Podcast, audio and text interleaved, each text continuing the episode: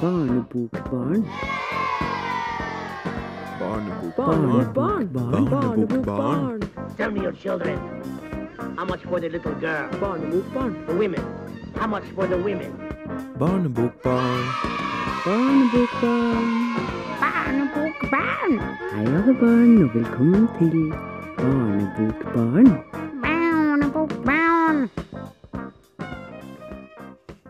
Det er eh, tid for Barnebokbarn. Endelig, som vi har lovet dere lenge, kjære lyttere.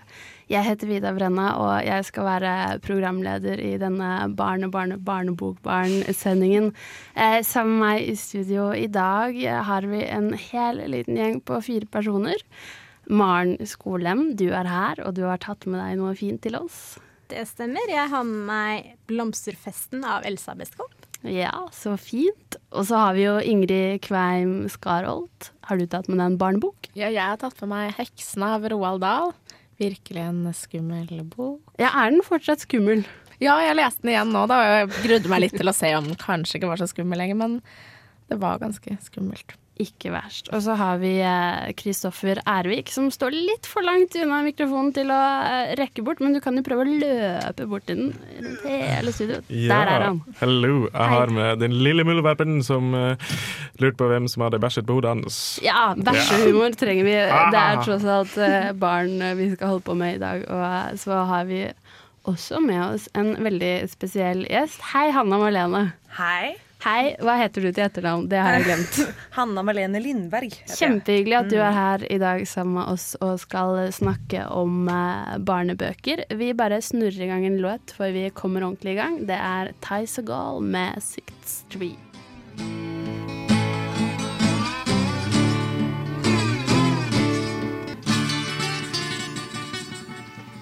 Det var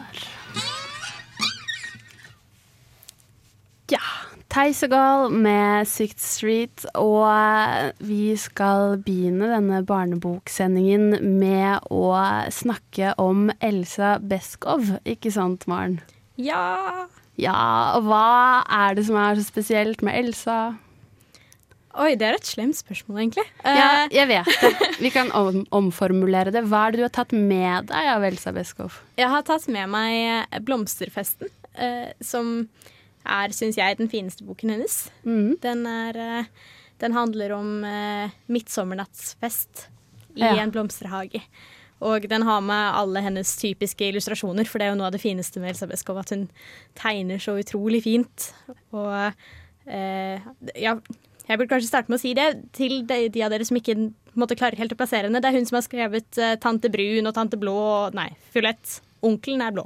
Stemmer. Ja. Uh, og 'Tante grønn'. Uh, Ja. ja, uh, men um, det her er en bok om en liten jente som ikke får lov til å være med på å feire midtsommernattsfest fordi mormoren hennes er eh, ute og eh, leverer strikketøy til noen, sånn at hun har ikke anledning til å følge henne på fest, og derfor så kan hun ikke være med. Og i Sverige så er jo det å feire midtsommer en ganske big deal, så det å være hjemme alene på den kvelden er ganske trist. Og så sovner hun ute i hagen. Og så kommer det en blomsterfe og forklarer at jeg kan gi deg eh, noen sånn dråper på øynene, og så kan du se alle blomstene, så kan du skjønne at de lever, og være med på festen deres. Men er dette en bok du har hatt et forhold til lenge, eller er det noe du har eh, liksom gått inn for å oppdage nå, i anledning barneboksending? Nei, eh, det er, eh, det er den boken som lærte meg å lese, faktisk. Er det sånn? Ja!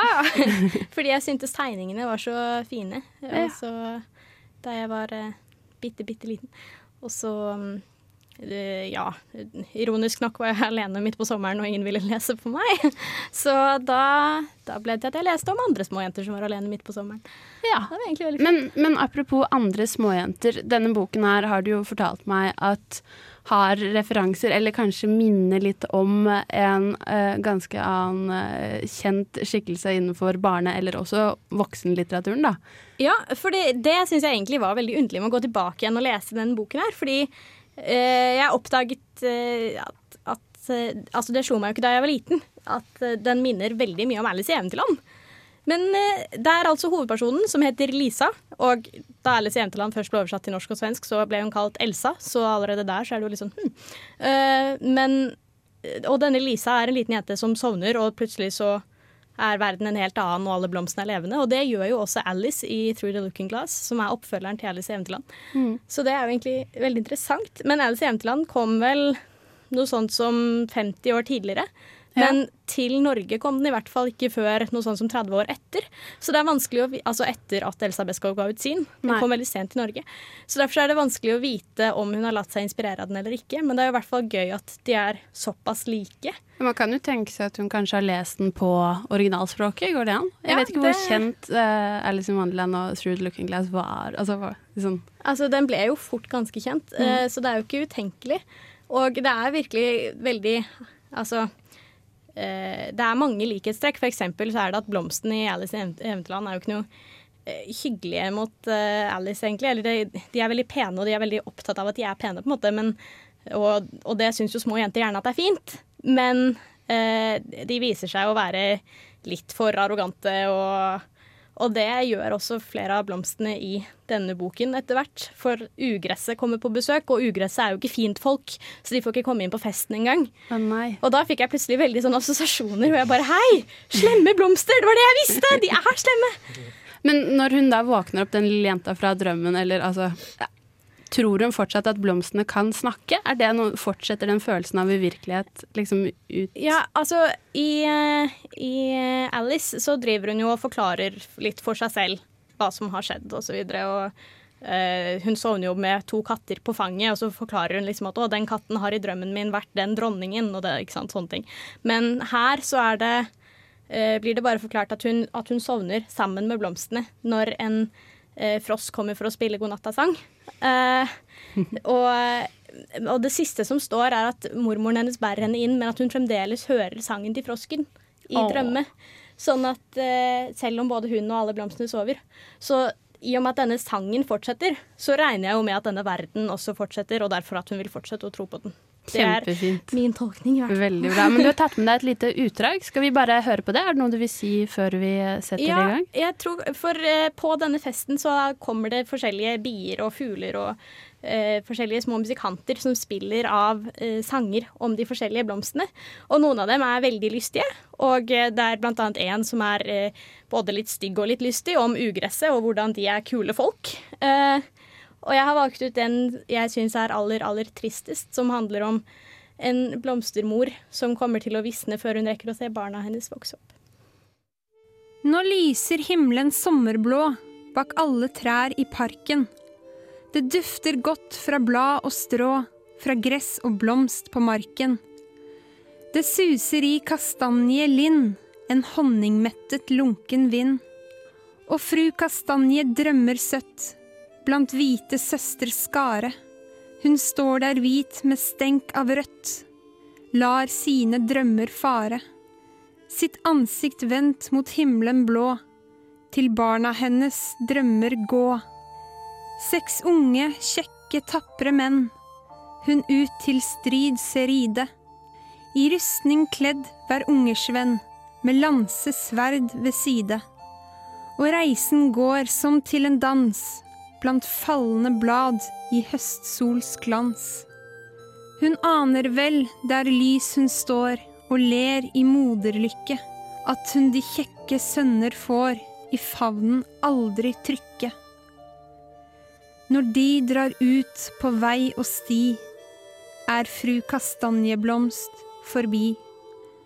Men nå er himmelen sommerblå bak alle trær i parken. Det dufter godt fra blad og strå, fra gress og blomst på marken. I kjole hvit med stenk av rødt, kastanjeblomsten drømmer søtt.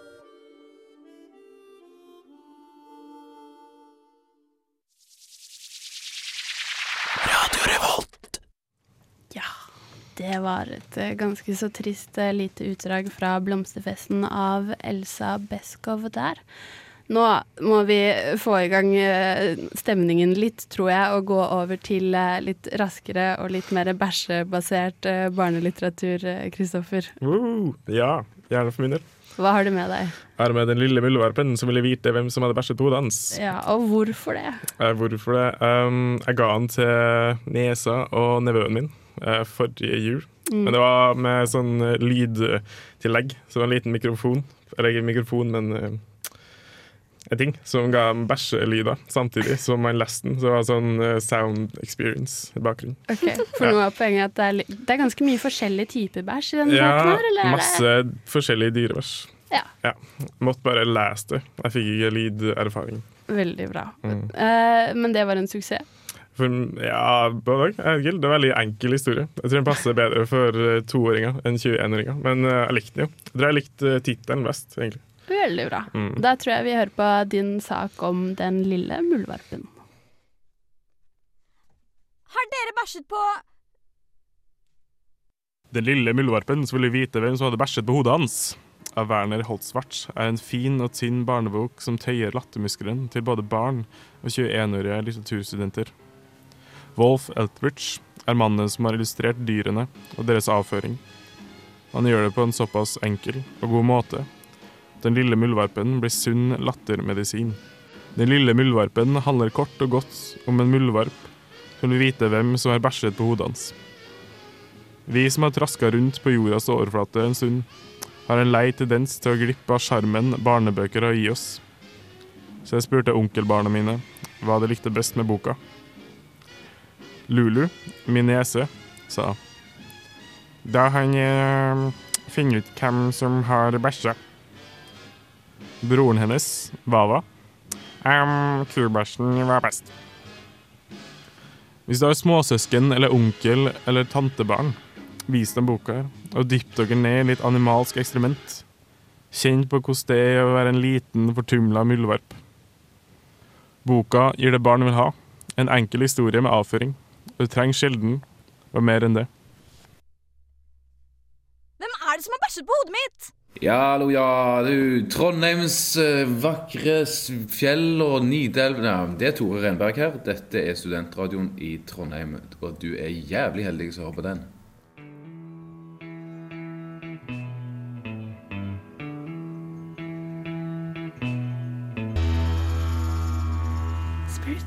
Ja, da ble det Every Girl med Alalas. Eh, etter Kristoffer som eh, fortalte litt om den lille muldvarpen som ville vite hvem som hadde bæsjet på hodet hans. Ja. Og Kristoffer, jeg savner et lite handlingsreferat fra deg. Vil du ha det? Ja, da skal du få det. Det er uh, Tittelen oppsummerer jo egentlig hele historien veldig godt. Det okay, er takk. en bæsj. Takk, takk for det. Da er vi ferdige Nesten Ja, supert. Nei, det er en bæsj som har landa på hodet til en liten muldvarp. Og så lurer han fælt på hvor den kommer fra. Så går han på en eh, lang og forferdelig reise å finne ut hvor den bæsjen er. Så besøker han en due og eh, mer. En ku. Og kyllinger og ja, masse. Ikke en kylling, nei, en geit. ja, Lett å ta feil. dyr. Mm. Og så finner vi ut av den store avslutninga at det er en hund som har bæsja på hodet hennes. Selvfølgelig, for det er jo Altså, hunder som bæsjer overalt. Dritthunder. Mm. Kanskje det. Kanskje de vil bare fjerne alle hunder. Han eh, fyren som skrev boka. Mm. Ja, fordi poenget er da at den lille muldvarpen lærer om bæsjer. Er det det Eh, man skal få ut av boken? Bæsjelyder. Det blir beskrevet veldig godt. Det er noe skvulper og noe skvalper og litt av hvert. Ok, Ja. veldig bra. Eh, men litt om, eh, litt om tegn, hvordan disse bæsjene er. Er det veldig naturtro illustrasjoner? Altså Ser de ut som ordentlige bæsjer, sånn at barna kan gå ut og, og kjenne igjen kubæsjen etter å ha lest Den lille muldvarpen? Eller er det Eh, jeg vet ikke, jeg vet ikke hvor god hold, eller forhold jeg har til dyrebæsj. Men en gang så tråkka jeg en kubæsj, og så var det noe inni her. Men det var ikke den uh, kubæsjen i den boka. Men eh, jeg Trenger ikke noe forsøk på den realisme. Jeg vet ikke. Jeg har er, Nei, hva, hva tror du, Hanna? Nei, Jeg jobbet jo i sommerskolen i Oslo sommer, og da leste jeg denne boka da, for mine si, skolebarn. For å lære dem om eh, bæsj til dyr. Egentlig så var det et forsøk på å ha en morsom lunsj. Jeg vet ikke helt hvor vellykket det var. Nei. Eh, men jeg må jo si at jeg tror egentlig ikke at de skjønte helt at man skulle lete etter den samme type bæsjen ute etterpå. Jeg tror okay. det var mislykket. Men skjønte de skal, Man skal kanskje le av denne boken som barn? Er det morsomt? Lo de? Jeg, jeg tror de var for store. Eh, De gikk i første og andre klasse på barneskolen. eh, Men jeg tror det er faktisk rett og slett litt for repetitivt. Eh, De syns det er morsomt med lydene, kanskje. For det er liksom bæsjtidspromp. Det er gøy. Men, Og så eh, laget du lydene mens du leste? prøvde. Men Kanskje ikke Men kanskje hvis du prøvde å på en måte, lære dem hvordan gå ut i naturen og finne et ekte bæsj Hvis du prøvde å lage lyden på naturtro måte, så kanskje det ikke ble like gøy fordi du var for didaktisk. Kanskje. Kanskje rett og Kanskje? slett eh, ja, ja, burde kanskje tatt litt Tok jobben for alvorlig? Ja, kanskje. Men var det du, Maren, som sa at du trodde at denne boken var veldig veldig didaktisk, eller eh, blander jeg med Elsa Beskow nå? Du blander nå med Elsa Beskow. Ok, greit. Vi har jo allerede etablert at du er den seriøse i denne sendingen. Du har tatt med deg en eh, fin og alvorlig bok. Jeg foretrekker den vi har- takk. Nå er vi gått over på bæsj, så vi skal la Elsa Beskow ligge litt til. Men Kristoffer, eh, sånn eh, litt i avslutningen av denne lille samtalen om bæsj. Mm. Hvilke barn er det som skal lese denne boken her? Eh, Jeg likte den veldig godt. Og, så hvis du er sånn som meg, så liker du boka. Eh, ok, eh, fordi uh, aldersgruppen uh, ekte barn uh, Jeg tror det var to til to. To til to. Ja. Parentes 21. Ja. Å, nå vet jeg ikke Kjempebra. Nå kommer det litt voksenmusikk for eh, de små barna her i studio. Vi setter på Some Minor Noise med Coffers.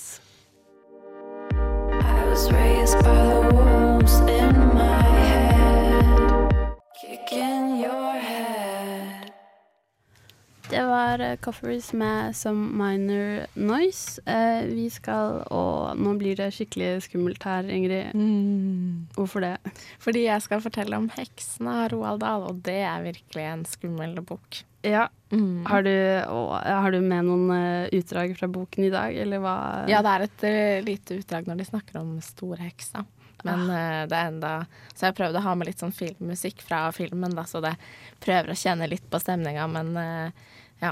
Man må virkelig lese den selv og leve seg inn i det for å bli ordentlig skremt, tror jeg. Da spørs det om vi ikke skal prøve å påføre lytterne noen ekte flashbacks. 'Heksene' av Roald Dahl. Da jeg var liten, var det meste som hørte nattemørket til, skremmende. Likevel så var det noen skikkelser som fikk meg til å grøsse mer enn jeg trodde var mulig. Noen som gjorde alle ledd og muskler ubevegelige. Jeg glemmer aldri den dagen da læreren min på barneskolen tok fram en ny bok i spisepausen. Den dagen jeg møtte Roald Dahls 'Heksene'. Romanen, som kom i norsk oversettelse i 1983, forteller historien om en liten gutt som blir foreldreløs i en bilulykke, og derfor blir tatt vare på av sin, vær stolte dere, norske bestemor. Dette er, som de fleste bestemødre, en svært varm og kjærlig dame, som er mesterlig til å fortelle eventyr, men ikke om hekser. Dette er ikke eventyr i navnets rette forstand, men virkelig sannhet. Hvem, sa du? ropte jeg. Det er hun som hersker over alle sammen, sa bestemoren min. Hun er allmektig. Hun er den grusomste av alle. Alle de andre heksene er livredde for henne. De møter henne bare én gang i året, på det årlige møtet. Da kommer hun for virkelig å hisse dem opp, gjøre dem ville av begeistring og jaktlyst, og for å gi beskjed om hva de skal gjøre. Hennes høyhet storheksa reiser fra land til land for å delta på disse årlige møtene. Hvor holder de møtene sine, bestemor? Det går masse rykter, svarte bestemoren min. Noen sier at de møtes på et hotell, som om de skulle være en helt alminnelig kvinnegruppe som arrangerer en konferanse. Dessuten har jeg hørt at det foregår svært merkelige ting på de hotellene der de bor. Det sies at ingen sover i sengene sine, at det er brennmerker på gulvteppene, og at det blir funnet frosker i badekarene. Den lille gutten blir fullstendig oppslukt, engasjert og ikke minst vettskremt. Kan noe slikt faktisk være tilfellet? Heksene har ikke lange, skrukkete neser. De flyr ikke på sopelimer, og de bor definitivt ikke på Bloksberg. Dette er virkelige hekser. De mest ondskapsfulle krapylene i verden. Som ser ut som vanlige, vanlige damer. De vil drepe, kvele, knuse, koke, utrydde alle barn i hele verden. Dette er forkastelig, rett og slett ubegripelig skummelt. Hva skal man gjøre? Heldigvis så finnes det noen kjennetegn som avslører dem. Men det er ikke så enkelt. Da den lille gutten og hans smågale bestemor ferierer på et sommerhotell, havner de uheldigvis i en litt beklemt situasjon. På hotellet finner de ut at Det kongelige selskap for bekjempelse av barnemishandling viser seg å være alle Englands hekser. Det hele ser mørkt ut. Eller nei, egentlig ikke. Kombinasjonen av en menneskemus med et hjerte som slår ni ganger i sekundet av spenning, og en bauta av en bestemor på alle plan, viser seg å være uslåelig. Roald Dahl har skrevet en genistrek av en fortelling. Ved å stille spørsmålstegn ved eventyrvesenets eksistens i vår verden, bringer han sannhetsverdien til eventyrene på bane. Dette er kjernespørsmålet når barn tilegner seg livsvisdom gjennom litteratur. At heksene er forkledd som vanlige damer, gjør det hele til et nærmest uløselig mysterium. Et lite barn vil aldri våge å sjekke det ordentlig ut, i fare for selv å bli feid av bane. Og når det kanskje tør, som voksen, vil det ikke lenger være i faresonen. Heksene er den perfekte oppskrift for et lite menneskets oppdagelse av hvor grusomme folk kan være. Den er spennende, den er oppsøkende, nysgjerrig, nervepirrende og full av voksenklokskap. Og helt på tampen, har du noen gang møtt en så positivt innstilt mus? Det gjelder å se muligheter og ikke begrensninger her i livet. Hi, I'm David Van, Radio Revolt, Trondheim. Great, thanks.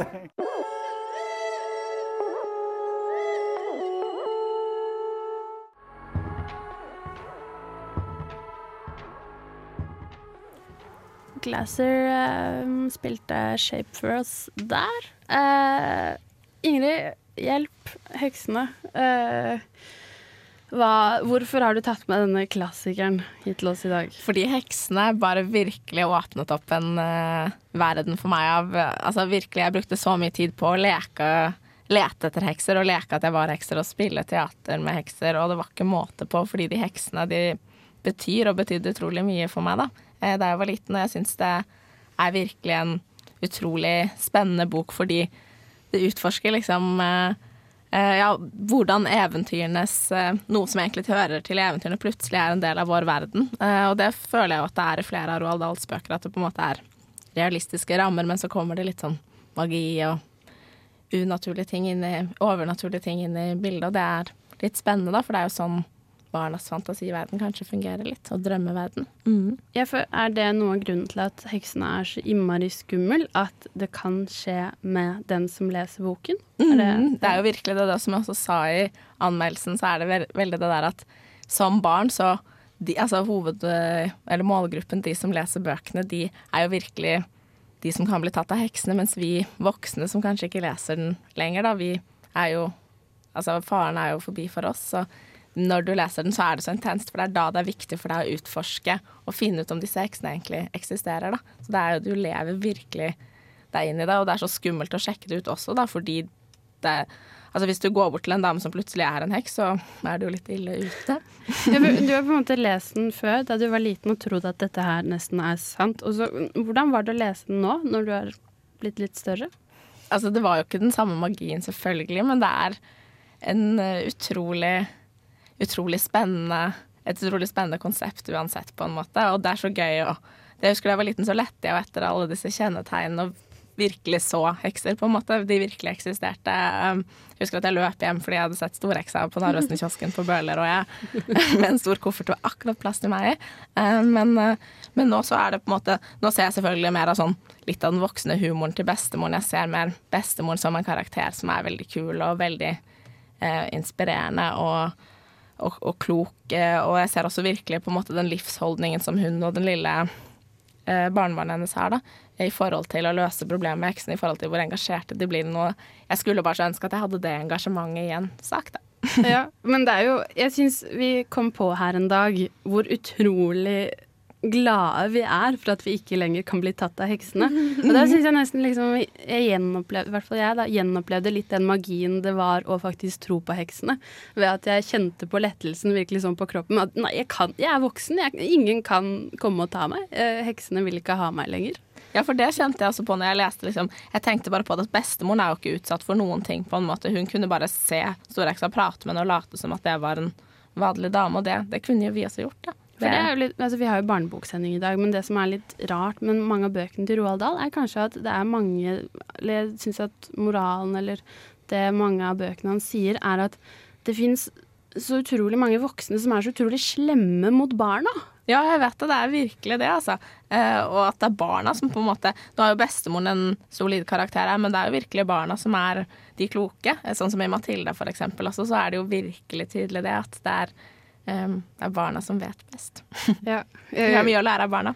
Vi har det. Vi har absolutt det. Eh, vi skal snakke om eh, en som eh, egentlig aldri hadde lyst til å bli voksen. Det skal vi gjøre etter at vi hører eh, Keep eh, Shelly in Athens, som eh, spiller Fly Away.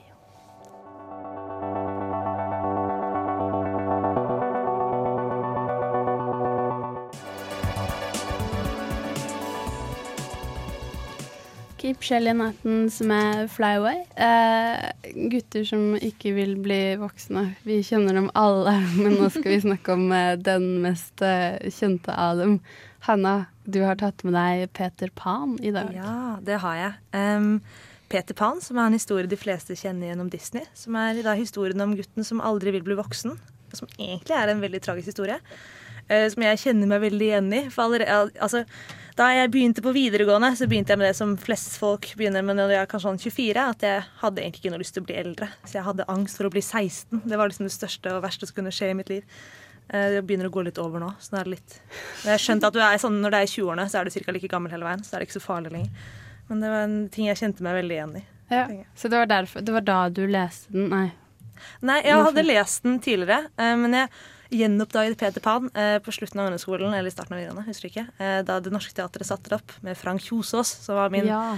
fjortiskjærlighet. Eh, Alles fjortiskjærlighet. Ja, alles fjortiskjærlighet. Og han kommer jo til å se ut som han er 14 resten av livet sitt. Ja, jeg kjenner jeg er litt misunnelig på den. Mm. Det tror jeg er ganske greit, egentlig. Ja, men hva gjorde, hva, hvordan uh, leste du den da, eller hva, hvorfor? Ja, Da leste jeg den på nytt og på nytt, og jeg gikk på teater og så det igjen og igjen og gråt mine salte tårer og lukket aldri vinduet. Jeg hadde vinduet åpent sånn ut i november, og da, dette er altså første klasse på videregående, det er kanskje litt flaut, men jeg holdt med det. Jeg har en da, Den forholdet som, øh, som Ingrid hadde til heksene, fikk jeg til litt Peter Pan på videregående.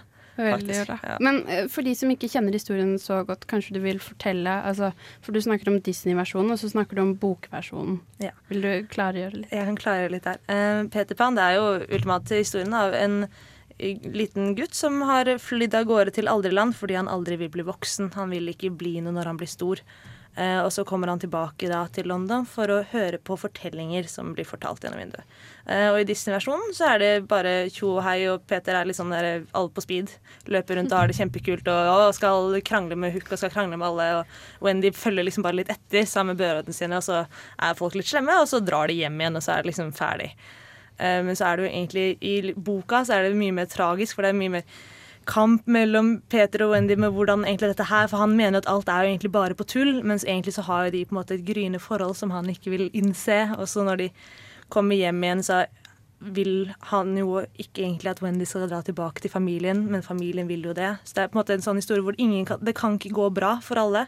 Så det er jo kjempe, kjempetrist. Men det er fortsatt det der magiske i, i historien med at Peter ikke kan bli voksen Ja, i boken Peter kan også. fortsatt ikke bli voksen. Så det er jo det som er tragedien, er at han kan jo ikke lære noe. Ikke sant? Du kan jo ikke erfare noe, så han glemmer jo med en gang. Fordi hvis du erfarer noe, så blir du jo voksen. Så Derfor så glemmer han etter hvert Wendy, som han egentlig skal komme og hente hvert år for å ta henne med på vårrengjøring. Og så glemmer han henne, og så vokser hun opp og får sin egen datter. Da. Ja, og så møtes de aldri igjen, eller? Jo, nei, så kommer han tilbake og henter datteren hennes til Alderland. Og så glemmer han etter hvert henne også. Det er bare, ja, det er egentlig veldig veldig trist alt sammen. Og alt går til helvete. Og, eller det sier vi ikke, da. Men eh, alt går litt dårlig for disse stakkars menneskene som ikke er i Alderland. Og egentlig så har jo ikke Peter det så bra heller, men han på en måte glemmer det. Sånn som barn glemmer er, fort. er dette noe for barn å lese, da? Og det grusomme og dystopisk og Ja, men jeg tror man som barn kanskje ikke tenker så mye over at det er så trist. Det er jo nettopp, det er jo en morsom historie om å dra til Alderland og møte indianere og pirater og slåss og ha det kult. Um, men så er det egentlig også en historie om å ikke lære noe av sine feiltagelser og av det man gjør. Ja, for det snakket vi om i stad, Maren, at liksom mange av disse barnebøkene som vi leser igjen som voksne, kanskje ender opp med å være fryktelig, fryktelig triste. Ja, for det var nettopp Altså, eh, vi snakket egentlig om det mens det var musikk i bakgrunnen, at eh, alle sammen, egentlig, bortsett fra muligens Kristoffer eh, med sin muldvarp, eh, har funnet ut at eh, bøkene er litt tristere etterpå. Eh, altså at ting du ikke tenker så mye over som barn, er ikke Eller kan veie mye tyngre når du blir voksen. Altså, uh, I Elsa Beskow så er det jo for eksempel nå, når jeg leser den sånn 16 år senere, så slår det meg sånn Oi, hvorfor er denne lille jenta på fire år alene en hel natt? Hvorfor er det ingen som skal passe på henne? Hvor er familien hennes? Jeg skjønner ikke. Altså, plutselig så ble det en mye tristere bok. Og, og, og det, jeg tror det er mye det samme med Peter Pan også. At når du er liten, så tenker du bare wow, tenk å få en bestevenn som kan lære deg å fly, og så kan du bare dra til en annen verden, og så kan du bare se på alle havfolkene, og så kan du dra hjem igjen og få kakao av mamma, liksom. Men jeg vet ikke, dere, er det en slags utforsking av eh, sånn det er å bli voksen? For at, eh, plutselig så kan man jo være alene en hel natt uten bestemoren sin eller hvem det nå er, og, og plutselig kan man møte en magisk venn og ende opp med å fly steder. Altså, ikke vet jeg. Man kan i hvert fall reise ut i verden og spise sopp eller noe sånt. Altså, Er det noe av det i det, eller er det for fjernt? Nei, altså Jeg syns da bare det blir en bekreftelse på hvor trist det er å være voksen og så få lov til å gjøre alt det du har lyst til som liten, så er det egentlig ikke noe gøy lenger. Det er jo akkurat som den 'De voksnes fest', det diktet. Så Det er så kult å høre om alt. Å, du kan reise hvor du vil, og du kan gjøre hva du vil, og du kan få være alene en hel dag. Og så blir du voksen, så kan du være alene en hel dag, så er det ikke noe gøy i det hele tatt. Så er det ingen som har lyst til å være alene en hel dag.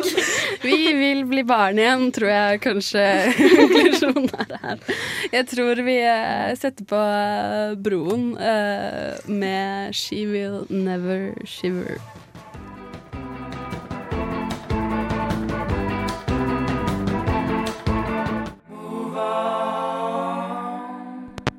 Jeg heter Erlend Nøttet, og du hører på Studentradioen i Trondheim. Ja, det er studentradioen i Trondheim du hører på, og eh, nå eh, nærmer vi oss slutten av eh, studentradioens litteraturprogram Bokbarn. Og i dag har vi vært bokbarn, for vi har hatt barneboksending.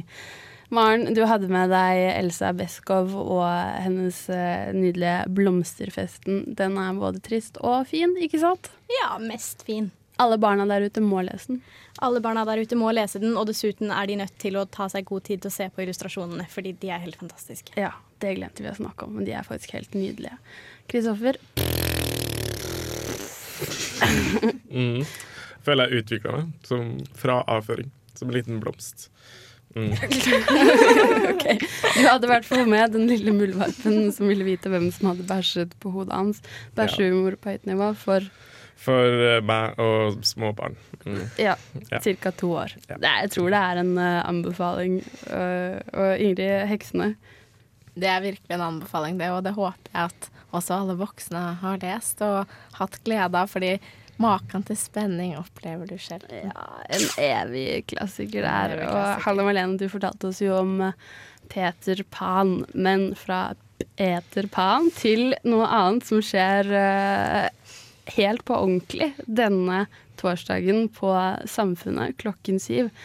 Det, vi må nesten reklamere litt for det, for det er faktisk poesislam. Hva syns vi om det, dere? Nei, altså, vi gleder oss. Hanna, fyr litt løs om poesislam. Det er dritkult! OK, hva er det for noe? Eh, det er folk som eh, leser opp dikt. På, det er litt sånn rap battle, bare med dikt. Eh, det kommer veldig mye rart. Jeg syns det er kjempe, kjempe, kjempegøy.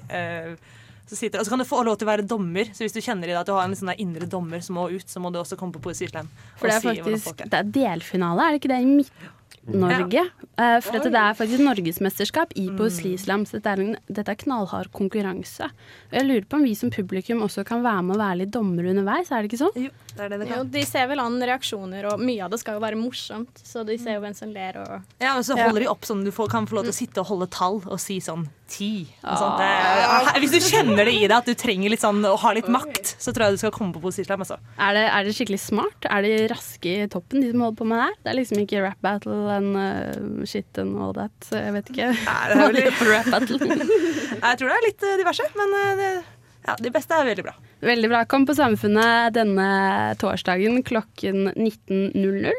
Vi skal bare takke for oss, tror jeg. Eh, Jeg heter Vida Sundset Brenna, og med meg i studio i dag har jeg hatt Maren Skolem, Kristoffer Ervik, Hanna Marlene og Ingrid Kveim Skarold. Vi snakkes neste uke til samme tid klokken 20.00 på Radio Revolt.